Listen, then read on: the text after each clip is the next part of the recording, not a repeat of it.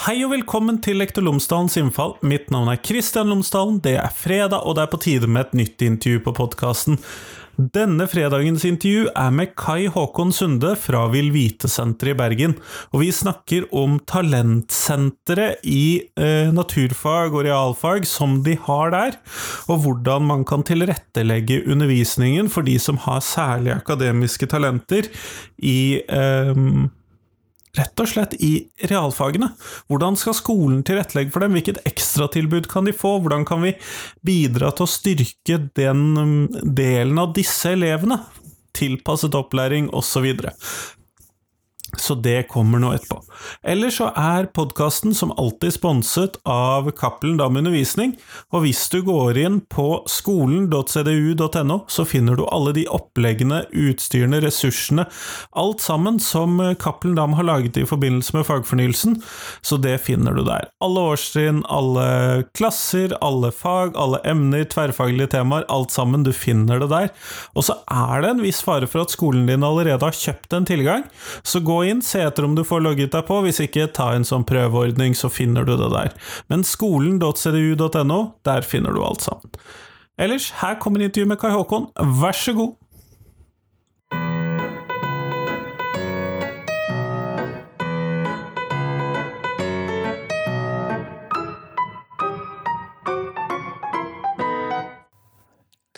Kai Håkon Sunde, tusen takk for at du tok deg tid til meg i dag. Jo, det er veldig eh, spennende å få eh, lov til å møte deg og kunne snakke om ting som jeg brenner for, så jeg er nå bare glad for at vi kan møtes. Ja, og vi skal jo snakke om noe ganske spennende, men før vi starter selve intervjuet, så hadde jeg håpet at du kunne fortelle lytterne mine tre ting om deg selv, sånn at de kan få bli litt bedre kjent med deg. Ja, jeg er 45 år. Jeg bor på Damsgård i Bergen. Jeg er utdannet både innenfor kunst og fysikk. Spennende kombinasjon. Ja, det er veldig mange som tenker at det er veldig forskjellige greier. Og selvfølgelig, de har fasetteringer som er, ligger milevidt fra hverandre. Men vi har også et helt eget fagfelt som har vært i skolen lenge, som er teknologi og design. Og der har du egentlig den Det møtet er jo egentlig det, det er egentlig med meg. Så jeg har både jobbet mye innenfor mekanikk og elektronikk og sånne ting, da innenfor det fysikk-biten av faget. da, Og så er det da, har jeg vært veldig interessert i design, sånn at mye av det som jeg har studert og jobbet med innenfor det feltet, er også knyttet til det. Sånn at jeg føler meg veldig hjemme liksom i den menneskeliggjøringen ut av teknologien, som egentlig design på sett og vis er. Det høres bra ut. Ja. Jeg må nesten nevne at jeg jobber på Vil Vite i Bergen. Der jeg har jeg drevet med å lage undervisningsopplegg. Jeg har undervist, og jeg har også designet en del eksperimenter, sånne exhibiter og sånt der, og vært involvert i alt fra show til omreisende virksomhet. Så jeg har ganske bred erfaring egentlig med det, det feltet som Vil Vite jobber med. Jeg, jeg, har jobbet der helt siden 2007, så God erfaring, med andre ord? Ja, langvarig, langvarig ansettelsesforhold der, altså. 13 år. Men, og det er nettopp arbeidet ditt på Vil Vite vi skal snakke om, for på Vil Vite så har dere et sånt talentsenter for realfag, og hva er det for noe? Det er sånn at i Norge så har vi ikke hatt tradisjon for å ta veldig godt vare på talenter, intellektuelle talenter. Vi har hatt en uh, veldig lang og god tradisjon for å ta vare på sportstalenter, musikktalenter. Uh, og mens med en gang det er snakk om folk som kan gjøre det ekstremt skarpt innenfor akademia, så er det plutselig en sånn slags uh, stigma som sier at nei, du skal ikke, du skal ikke tenke at du er smartere enn meg. Selv om vi kan godt leve med å si at du er mer musikalsk enn meg. Vi har egne skoler som har liksom spesialisert seg på innenfor musikk, hvor, hvor en kan liksom dyrke frem talenter der, og du er nødt til å passere tester for å se om du faktisk klarer å være så god at du kan få lov til å være på f.eks. Langhaugen. Og jeg applauderer det, fordi vi ser jo at de som kommer ut fra andre siden der, de er jo fabelaktige musikere. De produserer ting som vi kan ha glede av i år fremover. Eh, men så er det da disse som er intelligente, som har sitt talent i en voldsom interesse for matematikk eller fysikk, kjemi, altså innenfor eh, realfagene da, i akademia. De har eh, blitt behandlet på lik linje med alle andre barn som ikke har samme interesse og samme eh, potensiale innenfor disse her. Og på grunn av det så har vi gått glipp av veldig mye eh, godt materiale. Altså, Vi brukte Langhaugens eksempel i sted. Altså, vi, hvis vi hadde hatt de samme, samme tankegangen tenker jeg, innenfor realfag allerede for eh, 20-50 år siden, eller hvor, lang, hvor lenge en skulle si, så ville vi nok antagelig sett store musikere, bare folk som, som ikke driver musikk, men altså innenfor realfag. Folk som klarer å løse kreftgåten, eller som klarer å løse liksom, disse store spørsmålene som, som vi vil kunne ha nytte av i, i årtier etterpå. Eh, og i stedet så ser vi at elever som har et voldsomt potensial, mistrives i skolen. Eh, det var eh, en, en, som jeg kjenner, som har altså Hvor høy IQ han har, det, jeg aner ikke. Det, det er helt han var høy. ja, altså det, det, er dårlig gjort å spille mot han i kunnskapsspill eller i sånne her eh, hvor du skal eh, trille terninger med bokstaver på, og skal du sette sammen ord og sånne ting. Det er fordi at det du liksom, vinner ikke? Nei, vi vinner ikke. Det er det ingen som gjør. ingen andre. Men altså sånn som nå, altså han, han sliter fælt nå. Eh, han kunne kanskje ha blitt liksom en, en, stor person innenfor et eller annet, men, men akkurat så det, det at vi ikke har tatt vare på disse her evnene til å, å kunne se kompleksitet og det å kunne jobbe med den typen ting Åh, Det er så, så trist at vi, vi, ikke har fått det til. Eh, så i de senere årene så har det blitt litt oppmerksomhet på det, og den er økende. Og jeg tror også dette som jeg nå har begynt å jobbe med, er et bidrag i den retningen, som da er et talentsenter i realfag Eh, som Vil Vite i Bergen eh, drifter. Det er totalt fem sånne i Norge.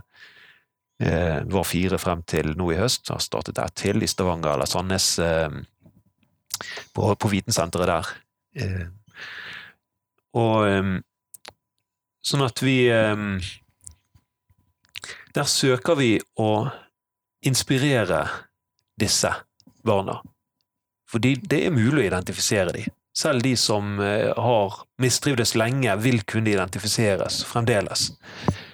Eh, og det som vi eh, Vi, vi gjør liksom to ting. Og jeg kanskje vil nevne først det sosiale.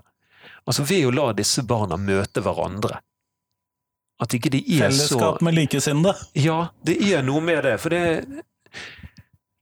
De har gjerne litt sære interesser. Litt spisse interesser. Eh, og plutselig så møter de da noen som har eh, samme ubetingete begeistringen for matematikk. Og da gjerne eh, matematikk som ikke ut av den anvendte typen. Eh, som gjerne går på at man liksom dykker inn i gruppeteorier og greier. Liksom bare, og plutselig så er ikke du rar lenger, når du er i dette miljøet.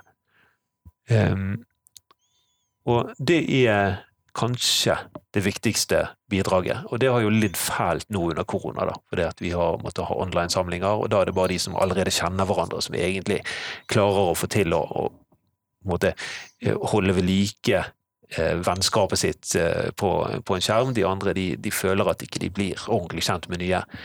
Eh, men så er det da at når vi har de inne, så har vi to dagers samlinger, sånn at vi er der eh, f.eks. en torsdag og en fredag, hele dager, begynner eh, selve samlingen, undervisningen, eller vi, vi starter liksom oppropet klokken ni, og så er vi ferdig klokken fire. Så det er lengre dager enn det de har på skolen. Hvilken aldersgruppe er dette? Dette her er fra syvende trinn, eh, så siste år på, eh, på barneskolen, og eh, til og med andre gym. Eller VG2. Eh, Men lange dager for de fleste av disse, med andre ord. Ja, og da har vi eh, sånn at, Men vi må ha det for å, liksom, å få litt sånn faglig eh, tyngde og, eh, og sånt, for ellers så blir det så, så kort. Vi har jo Selv om alle disse barna her lærer fort, de liker å tenke komplekst, og de, de har egentlig en, en, en veldig glede i eh, når, når ting blir litt vanskelig, eh, sånn faglig sett eh, så kan de likevel ikke det som de ikke har lært. Nei, det kan man jo ikke. Og det gjør at når vi har disse i, i klassen, klasserommet, så har vi jo egentlig det samme spriket som du har i enhver annen klasse. For Du har de som er på universitetsnivå i matematikk, og så har du de som egentlig er mer interessert i kjemi eller et eller annet sånt, og som ikke har egentlig dratt matematikkbiten så veldig langt. Og som, som er fullt på høyde eh, på, med hva man skal kunne på sin alder, men de har ikke nødvendigvis gått forbi det i, i matematikk. Og dermed så står du der med et, et stort gap som du da må prøve å, eh, å lage noe som, som fungerer da i så stor bredde. Og det, det kan være en eh, utfordring, og noe som vi på en måte fremdeles i læringsprosess på. Hvor vi, vi, vi må liksom eksperimentere oss litt frem, egentlig, til hvordan vi skal undervise denne gruppen. Vi har eh, Men det dersom som de møter da alle realfagene, eller er det primært sett matematikk de møter? Nei da, de møter mange realfag. Så vi, eh, vi har biologisamlinger. Vi har eh, eh, samlinger som tar for seg med fysikkrelaterte ting. Vi har eh, kjemisamlinger, matematikk. Vi har programmering som eh, egne temaer. Det er det vi skal løse på nå i februar. Da skal vi ha eh, alle gruppene. Vi har seks grupper. 20 elever i hver gruppe. Eh, og nå skal vi ha de da gjennom et opplegg hvor de da skal eh, jobbe med kode. Og eh, da, vi kaller det dronesamling, så det ligger jo en del fysikk inni dette her også.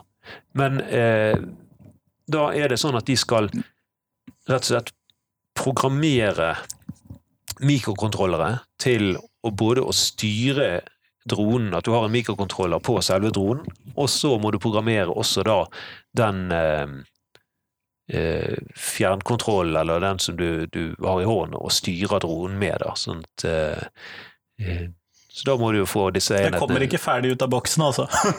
Eh, Nei, de gjør ikke det. De må til og med lodde sammen deler og sånt. Så, eh, og hvis de har lyst til å legge på noen ekstra funksjoner, så har vi gjerne litt sensorer og sånt, så de kan de lodde på ledninger og koble sammen og sånt. Sånn at det er, det er meningen at det skal være utfordrende, eh, samtidig som vi vet at det er gjennomførbart. Og akkurat i denne samlingen så henter vi inn en ekspert eh, utenifra. Så vi, eh, vi har leid inn en som bor i Oslo, som kommer her, og som har da disse samlingene med oss. Og så er vi jo såpass aslu da, selvfølgelig, at vi eh, som underviser, det er stort sett to stykker, eh, som heter Benjamin og meg, eh, som, eh, som er faste lærere eh, for Talentsenteret. Og eh, vi har jo deltar jo med, med alt vi har av eh, oppmerksomhet og eh, evner i eh, samlingen sammen med barna, sånn at eh, til neste, neste gang den kjøres, så er det vi som tar det temaet og regner med å klare å gjøre det på, på samme nivå som, som det blir gjort når, når vi da hadde innleid folk. Sånn at det er en, en gang Det er liksom en opplæring av oss sjøl også, på mange måter. Og det Som lærer så er jo det egentlig fantastisk å kunne ha disse denne elevgruppen, fordi at jeg må jo strekke meg innenfor alle fagfelt. Og eh, det å kunne lære nye ting er noe jeg virkelig elsker. Eh, og som jeg gjør egentlig både i, jobbtid og på fritid. Eh, så mm. Men jeg hører jo hvor denne kreativiteten kommer inn, når de har muligheten da til å utvide disse dronene til å gjøre, eller til å ha andre funksjoner og en del ting, da. Ja, ja.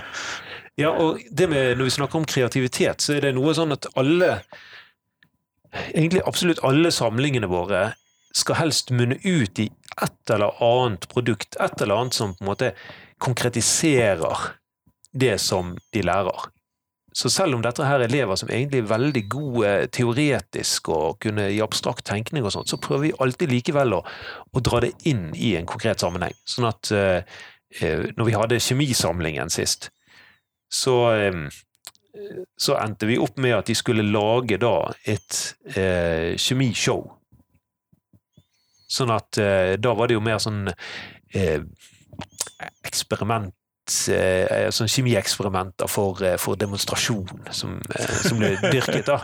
Sånne ting hvor det gjerne smeller eller flyr, for å si det sånn, eller skifter farge, eller hvor det er liksom noe, noe visuelt eller liksom, som du, som du opplever, og som gjerne en prøver da å sette i en sammenheng.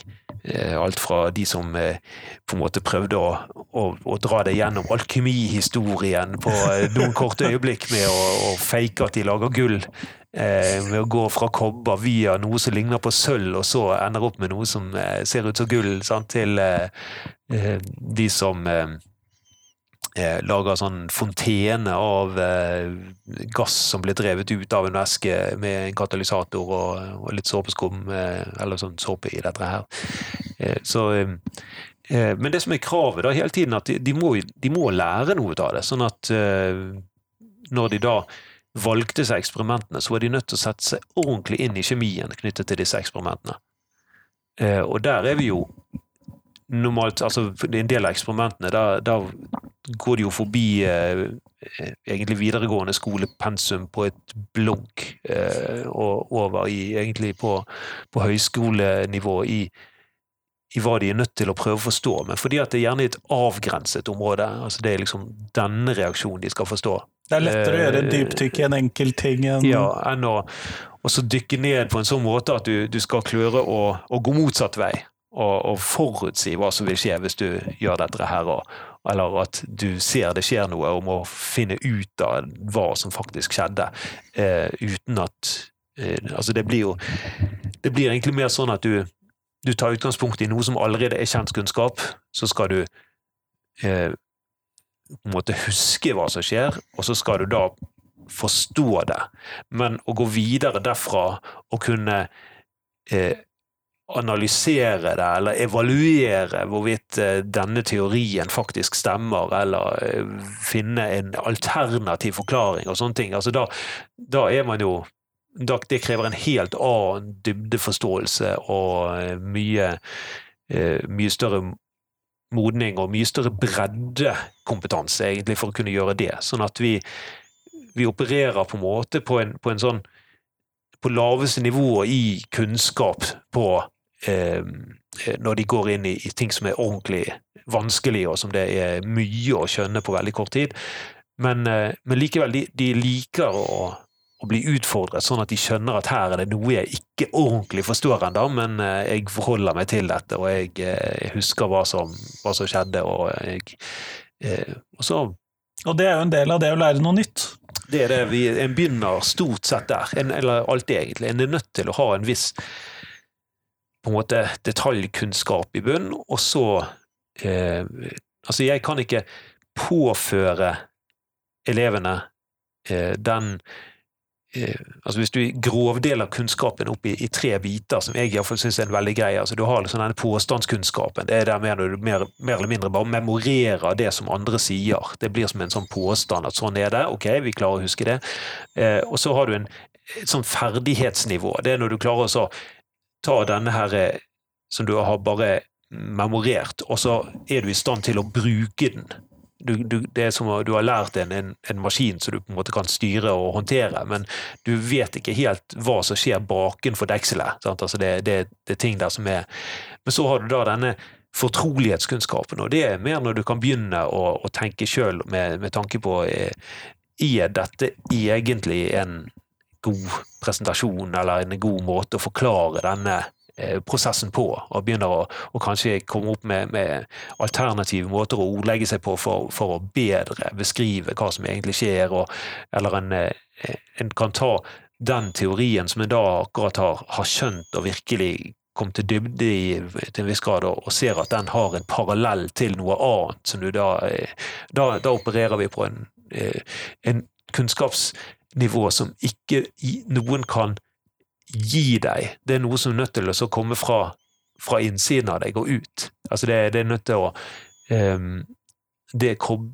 det er uh, mer knyttet til, til koblinger i hjernen mellom forskjellige kunnskapsområder som, som du da nødvendigvis må ha, og så du da begynner å se paralleller.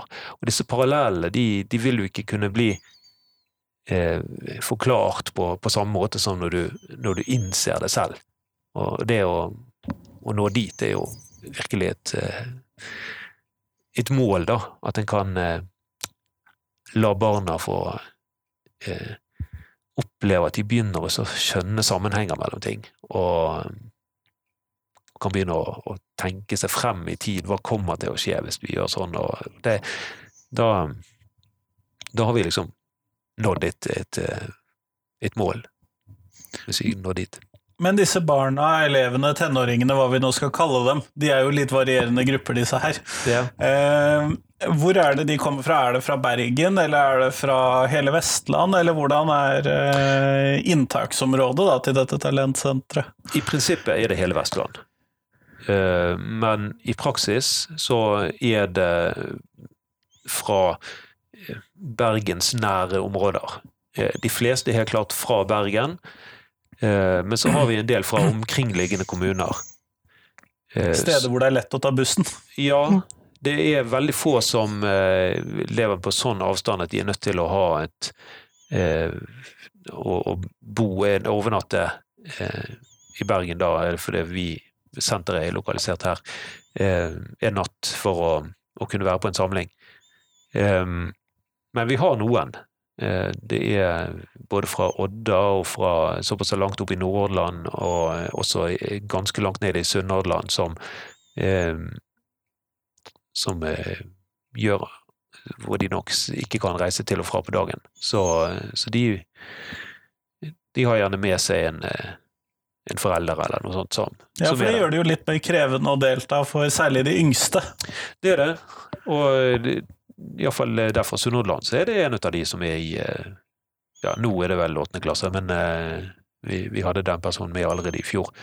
Eh, Da var det syvende klasse, og det Så da var det Da var det med overnatting og alt, så det, det er klart at det det krever mer, men, eh, men de, de syns det, det er på en måte en slags eh, Det å få bli med på noe sånt som dette her, det er en det ligger en viss anerkjennelse, en opplevelse av å bli sett og, og sånn. Så det er ikke bare hva vi klarer å levere, det er ikke bare det sosiale de opplever der, men det er også en slags sånn eh, følelse av eh, å, å bli sett på skolen, altså i sitt eget eh, nærmiljø, at man får lov til å være med på dette her. Det gir en viss eh, da. Så, sånn at de, de søker nok eh, de, de, måte, de gjør det nok med større glede av det også. Ja, og det er jo ingen tvil om at foreldre følger jo tenåringer og ungdommer og barn for den saks skyld på alle mulige slags sportsarrangementer. Gud vet hvor langt unna uten at eh, det øyensynlig ser ut til å være noe problem. sånn at eh, Ja da, nei, det er ingen som har klaget, så vi regner med at det der egentlig er helt, helt greit. Men hvis jeg er, eller jeg har, en elev som øh, jeg tror kan passe inn i dette, da.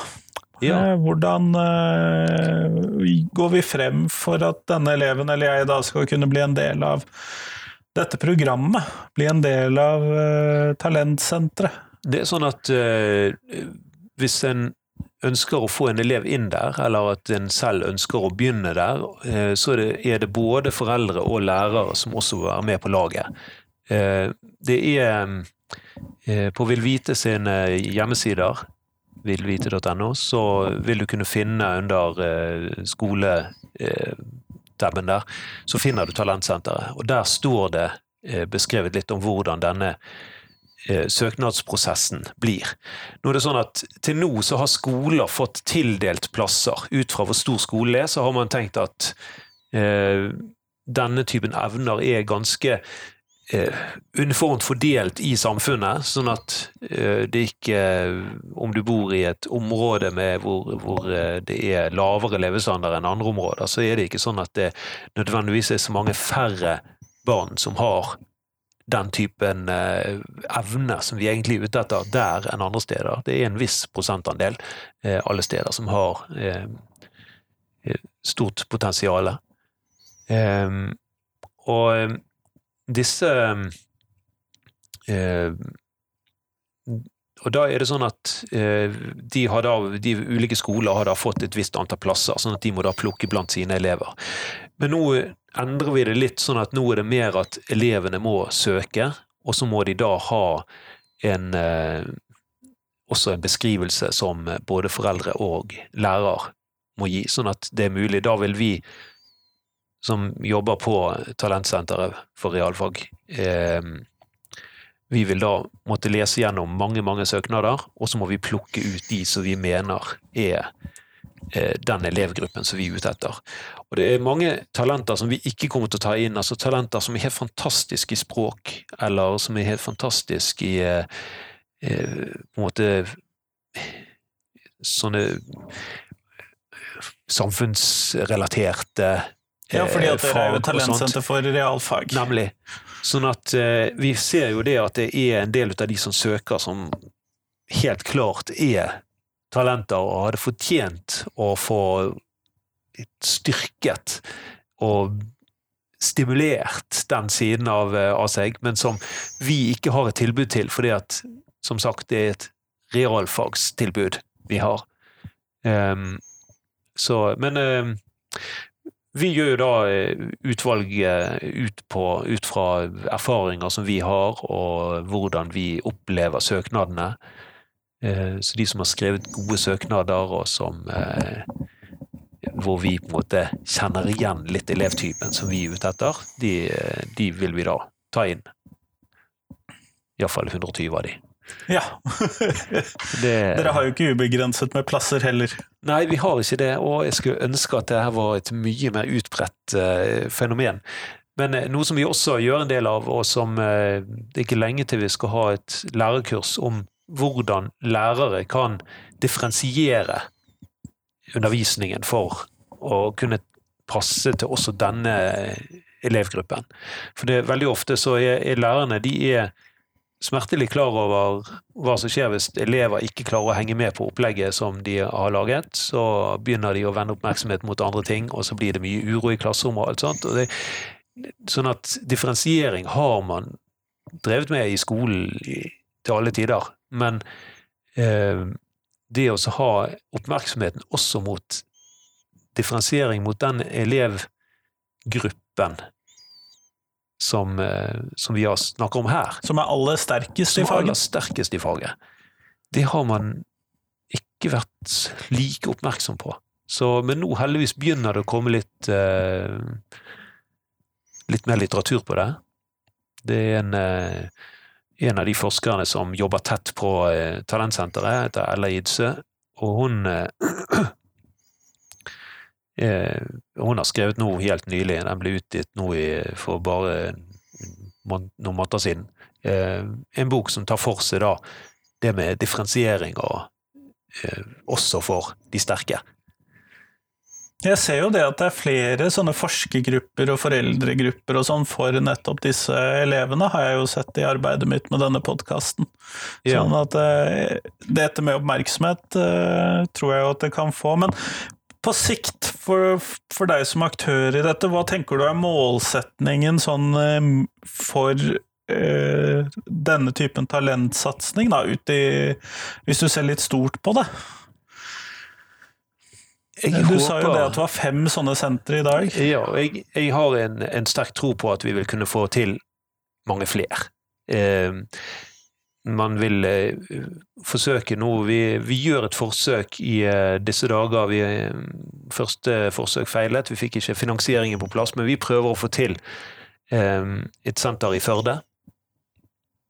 Som vi da hjelper i gang, og som vi har support for og sånt, men som har egne folk som jobber da, der, og så, så, blir da vi som har erfaring i Bergen, vi blir da ressurser eh, for de, og de vil på en måte være en, eh, en underavdeling, eller en, en, en av avdelingene. Eh, ikke nødvendigvis underavdeling, blir feil å si, for de vil være mer likestilt enn det.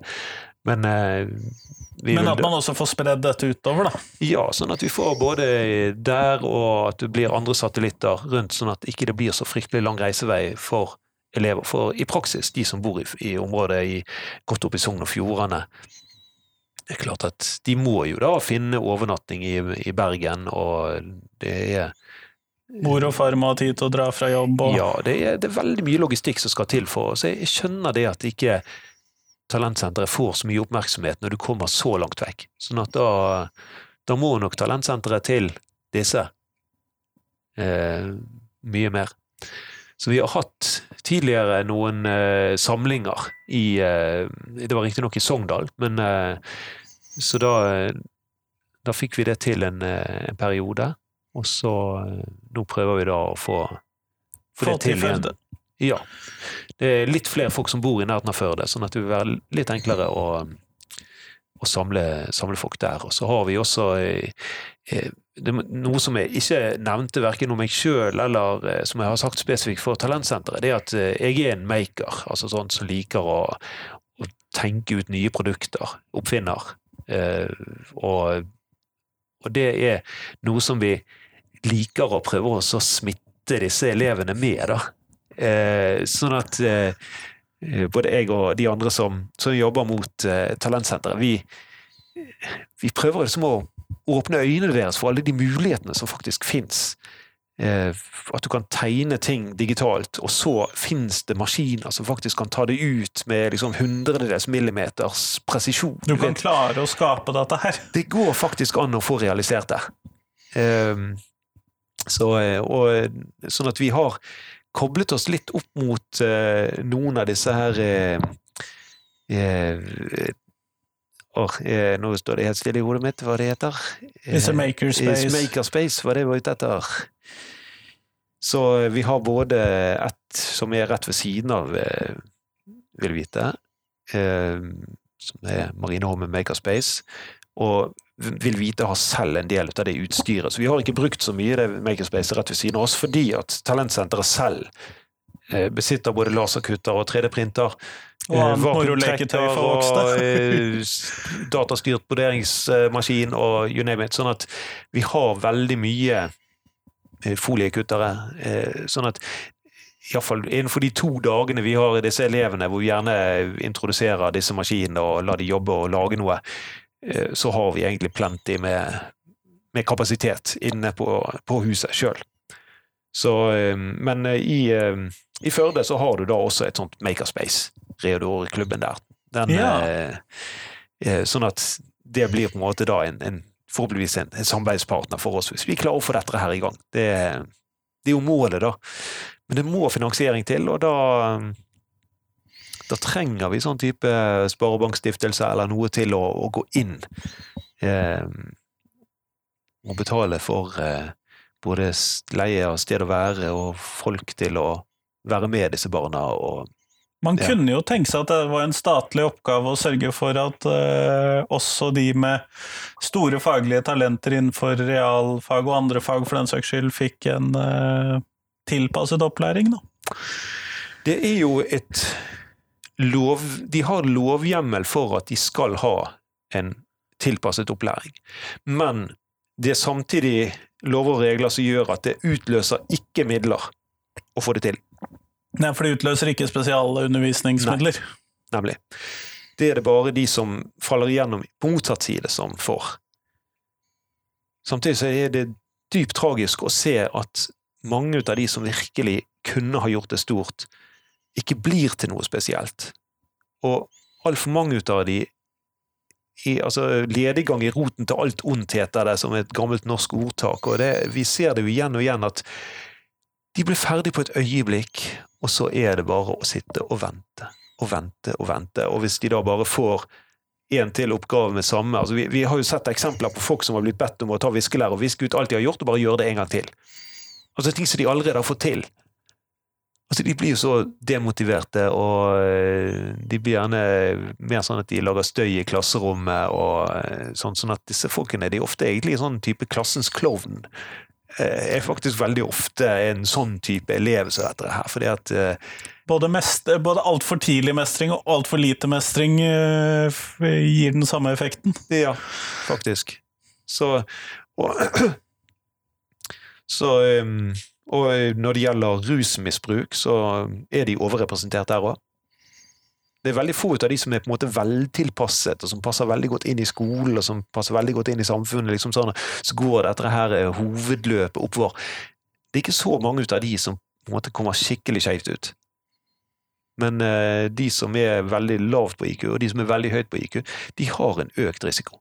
Sånn at eh, eh, Jeg har aldri sett noen studier av det, men jeg blir stadig fortalt av folk som jobber med eh, rusmisbrukere inne på Strakshuset, at en del, altfor mange av de, er egentlig folk med ekstremt høy IQ. Og eh, sjøl så kjente jeg en eh, som eh, var rusmisbruker. Han gikk på samme skole som meg, noen år over. Han var Det ble liksom sagt på skolen etter at han forsvant ut av niende klasse den gangen, at eh, han kanskje er den smarteste som har gått på skolen noensinne. Eh, han, han er død nå, overdose heroin. Eh, men eh, han, han ble rusmisbruker altfor tidlig, og det, det ble ingenting ferdig hos han, altså. Det viser jo viktigheten av en skole som hvor alle kan passe inn, da. Ja. Hvor de får lov til å også kanskje ha av og til fellesskap med, med folk som liker å tenke så komplekst som disse her gjør. Eh, Det er mange som har eh, Når vi prøver å fortelle til lærere liksom, hva, er vi, hva er det vi prøver å, å, å si når det gjelder hvordan man kan øke kompleksiteten på noe på den måten som disse elevene gjør, så er det sånn eh, et eksempel som ikke har med realfag å gjøre, så sånn sett ikke er innenfor vårt bord, men som likevel altså Hvis du har Rødhette og Ulven, som er liksom sånn klassisk eksempel for oss, da, så, så går det an å bare memorere liksom hva som skjedde, og i hvilken rekkefølge og alt sånt. Og så går det an å prøve å å forklare hva denne historien prøver å si, og litt sånt. Og, men så, så kan du begynne å øke kompleksiteten med at det, eh, en kan si at ja, men ulven, eh, som på en måte ble den som var eh, skurken her Hvis vi nå skal tenke oss eh, en virkelig hendelse, kan du egentlig klandre ulven? Gjorde ikke ulven egentlig bare det som en ulv fra naturen er gitt å gjøre? Og, og sånt. Hva, hvis vi nå sier at vi lager lover og regler som passer for oss, og så krever vi at ulven skal følge de samme, altså, fins det sammenhenger hvor vi lett kan komme til å lage lover og regler som passer for oss, og som vi forventer at andre følger, mens det egentlig ikke er en altså, Da begynner vi Alle de lange linjene, de store, lange linjene, de litt større spørsmålene. Med en gang vi begynner å dra inn sånne ting, da ser vi at denne elevgruppen begynner å våkne. Uh, Ja, for Rødhette er et ganske kjedelig eventyr, egentlig. ja. det er strengt talt det.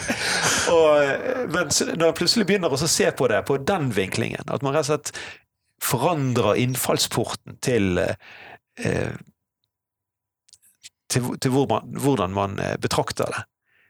Eh, så, så plutselig så, så kan man snakke om andre ting, men på bakgrunn av det som de andre jobber med. Eh, og hvis man skal lage noe, liksom så Lag et teaterstykke, eller lag en, en historie som, som bruker litt Som har samme tematikken, men hvor det er ting som skjer nå, som blir problematisert. Og da, da er det jo så vanskelig at selv voksne vil begynne å, å, å streve med det. Men liksom, For noen så blir det riktig match. ja. Sånn at det går an å, å gjøre ting skikkelig utfordrende. Og det å treffe på passelig nivå, det, det er kjempeviktig at man ikke bare slenger til det i en videregående bok og så bare sier at du får bare ta det litt som selvstudie.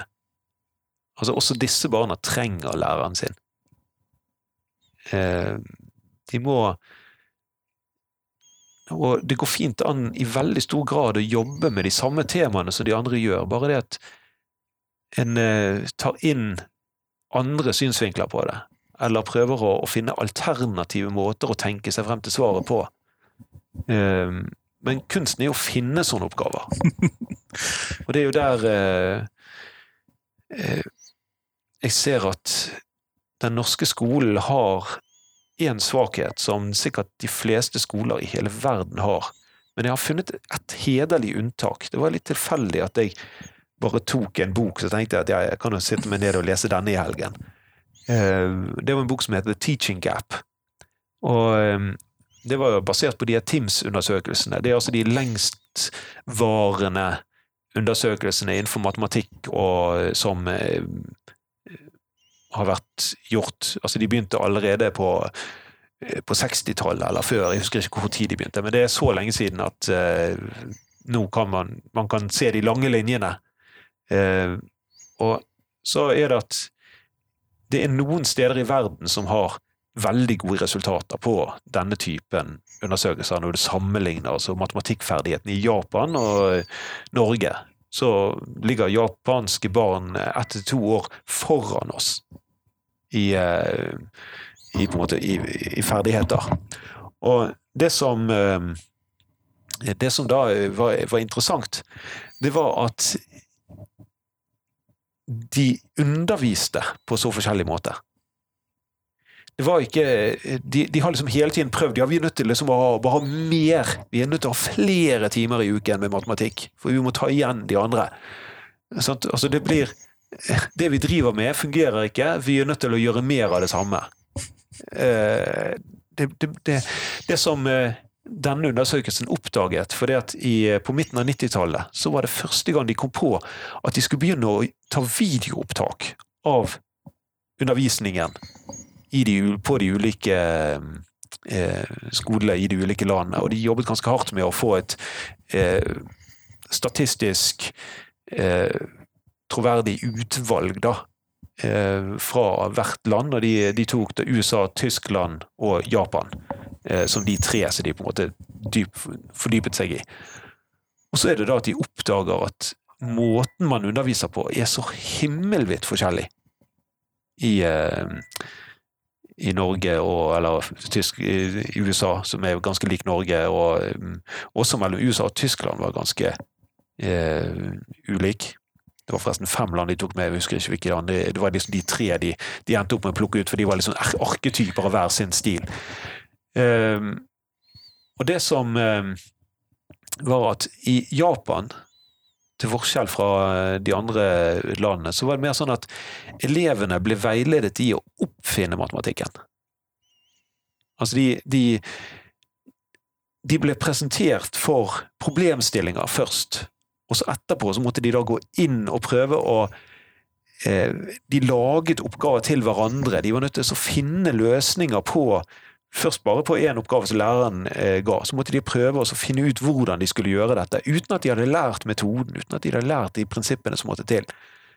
Og så skulle da de først jobbe individuelt en stund, og så jobbet de i grupper, og så er det at læreren får, går og sirkler litt rundt, og så merket seg hvilke grupper som har fått til å forklare dette på en god måte, og så er det da representanter fra de gruppene da som kommer opp og skriver på tavlen og forklarer hvordan dette her fungerer, og tavlen viskes aldri ut igjen gjennom en time. Du begynner liksom helt lengst ut til venstre med bare å skrive opp hva som er eh, hva vi hadde om sist, og så er det da dagens tema som alltid bygger videre og bygger videre og bygger videre. Og så, sånn at de har jo et fantastisk eierskap til den matematikken som de, eh, de oppdager. Men så er det spørsmålet hvordan i all verden kom japanerne dit?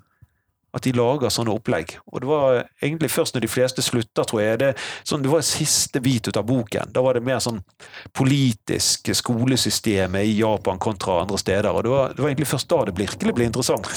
eh, Iallfall fra en sånn litt sånn nerdete synsvinkel, men eh, egentlig også for alle, hvis de bare gadd å lese det.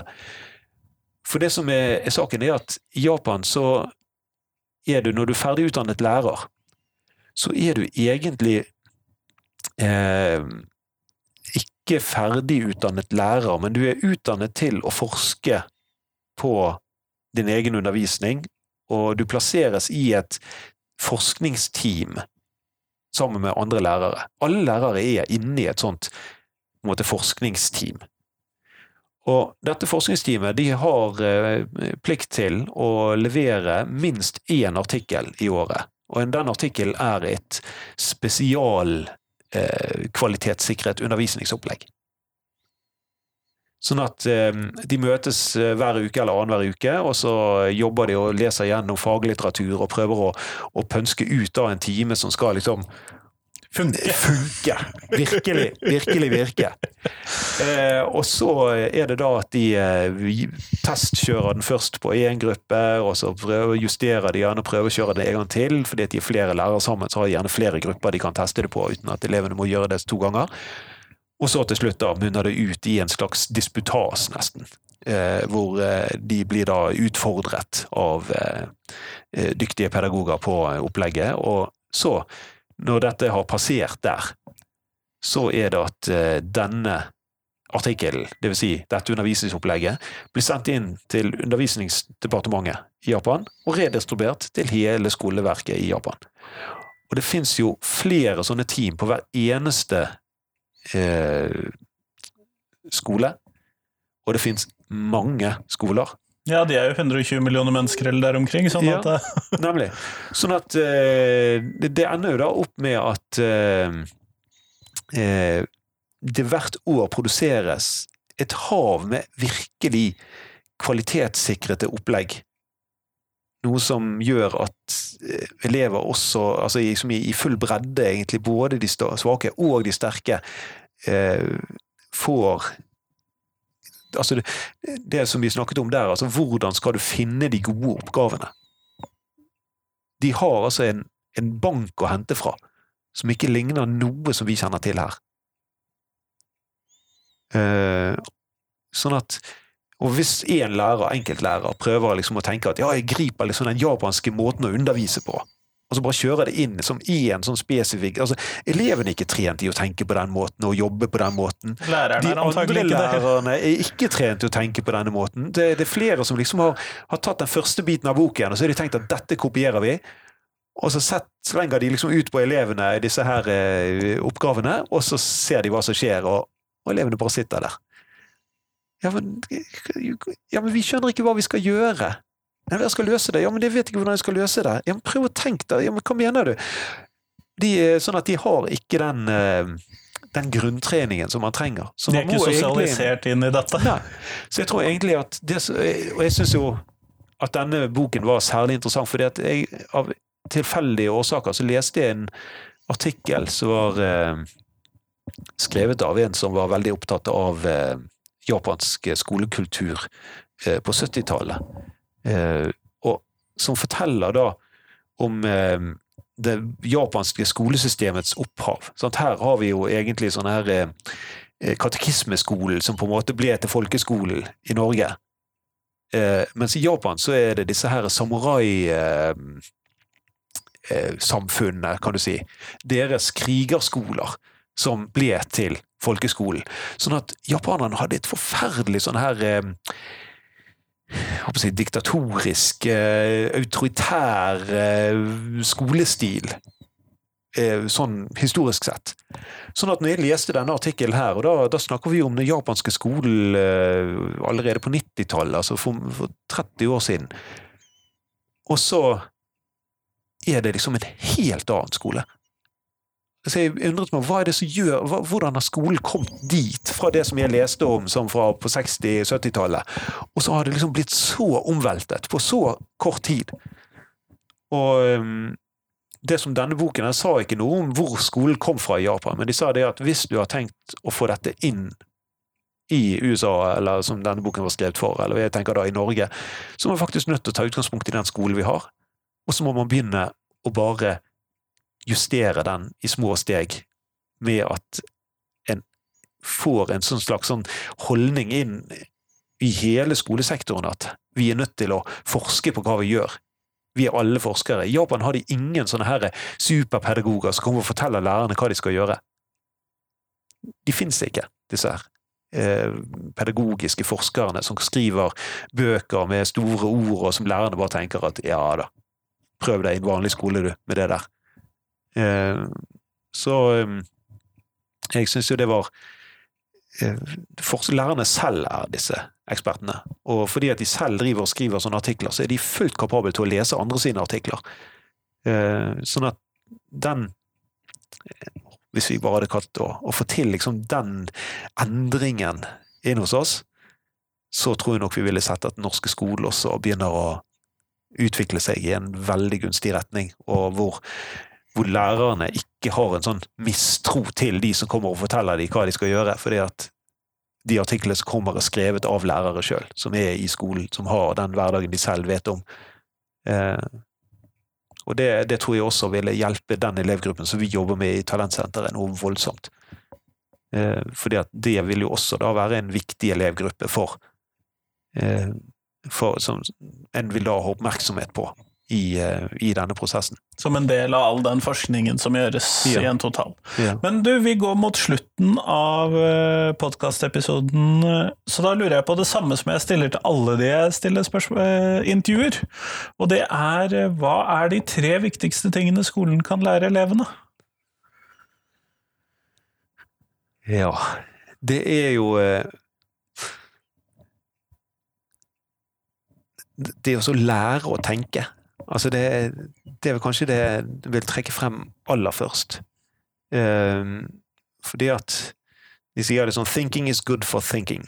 Uh, det, det, er noe med at det, det er sånn smitteeffekt. Altså hvis du først begynner å, å stole på deg sjøl og dine egne tanker og være litt sånn kritisk til det, det kan uh, være virkelig noe som, som gjør at, at folk tør å å si ifra på, på, så mange måter. I, eh, både i livet generelt og i, i den eh, utdanningsmessige. At man kan eh, få nye tanker inn og utvikle og alt sånt. Det, det tror jeg er kjempenyttig. Det å så fungere sosialt i, i samfunnet, at man på en måte sliper seg mot hverandre det tror jeg er helt uh, avgjørende viktig. Uh, og så er jeg jo litt sånn kunnskapsnerd sjøl. Altså jeg liker, elsker å lære nye ting. Så hvis ikke skolen klarer å, å bringe det frem på bordet, så, så vil jo det også være en, eh, en skikkelig uh, fallitt, tenker jeg. Kjempeflott. Tusen takk for at du tok deg tid til meg i dag. Det var hyggelig å snakke med deg.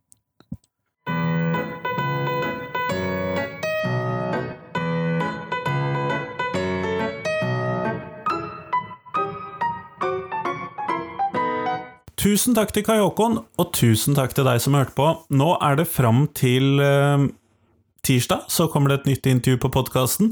Da tror jeg alle sammen er ferdig med vinterferie. Uh, det er mulig at noen har i uke ti også, men i så fall, de som har det, dere får kose dere på ferie. Vi andre, jeg satser på at vi overlever nå fram til påske, og i mellomtiden eh, så kan du i hvert fall få kose deg med masse gode podkastintervjuer, for jeg har planlagt dobleintervjuer egentlig fram til sommeren, så får vi satse på at jeg klarer det. Men i hvert fall, eh, fram til neste gang, del podkasten min med noen, så satser jeg på at eh, stadig flere får høre podkasten og får kost seg med den. Ha en fin uke. Hei, hei.